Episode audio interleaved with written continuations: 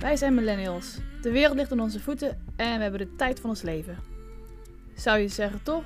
Het was wel gewoon iets waarbij ik dacht van oké, zo hoort het niet. Het viel me op hoeveel vrienden en jongeren om me heen niet lekker in hun vel zitten. Ze voelen zich down, alleen en weten niet goed wat ze willen. because I, I was lost again. Heel onzeker over, eh, over veel. De quarter-life crisis dus. Wie ben ik eigenlijk en wat, ga- wat kom ik hier eigenlijk doen en wat voor nut heeft het allemaal? Like I was like, damn, dude, you're al- already 20. Like, shit. I thought you would have it figured out by now. Is het allemaal zo erg dan dat je leven niet gaat zoals je vroeger had verwacht? Want zelf vind ik van niet.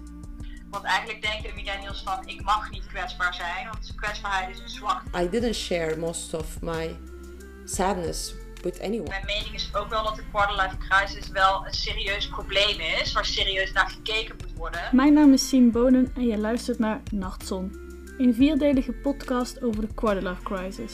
Over het leven van de millennial.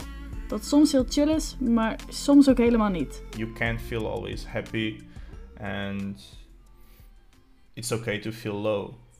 Voel ik niets of voel ik verdriet,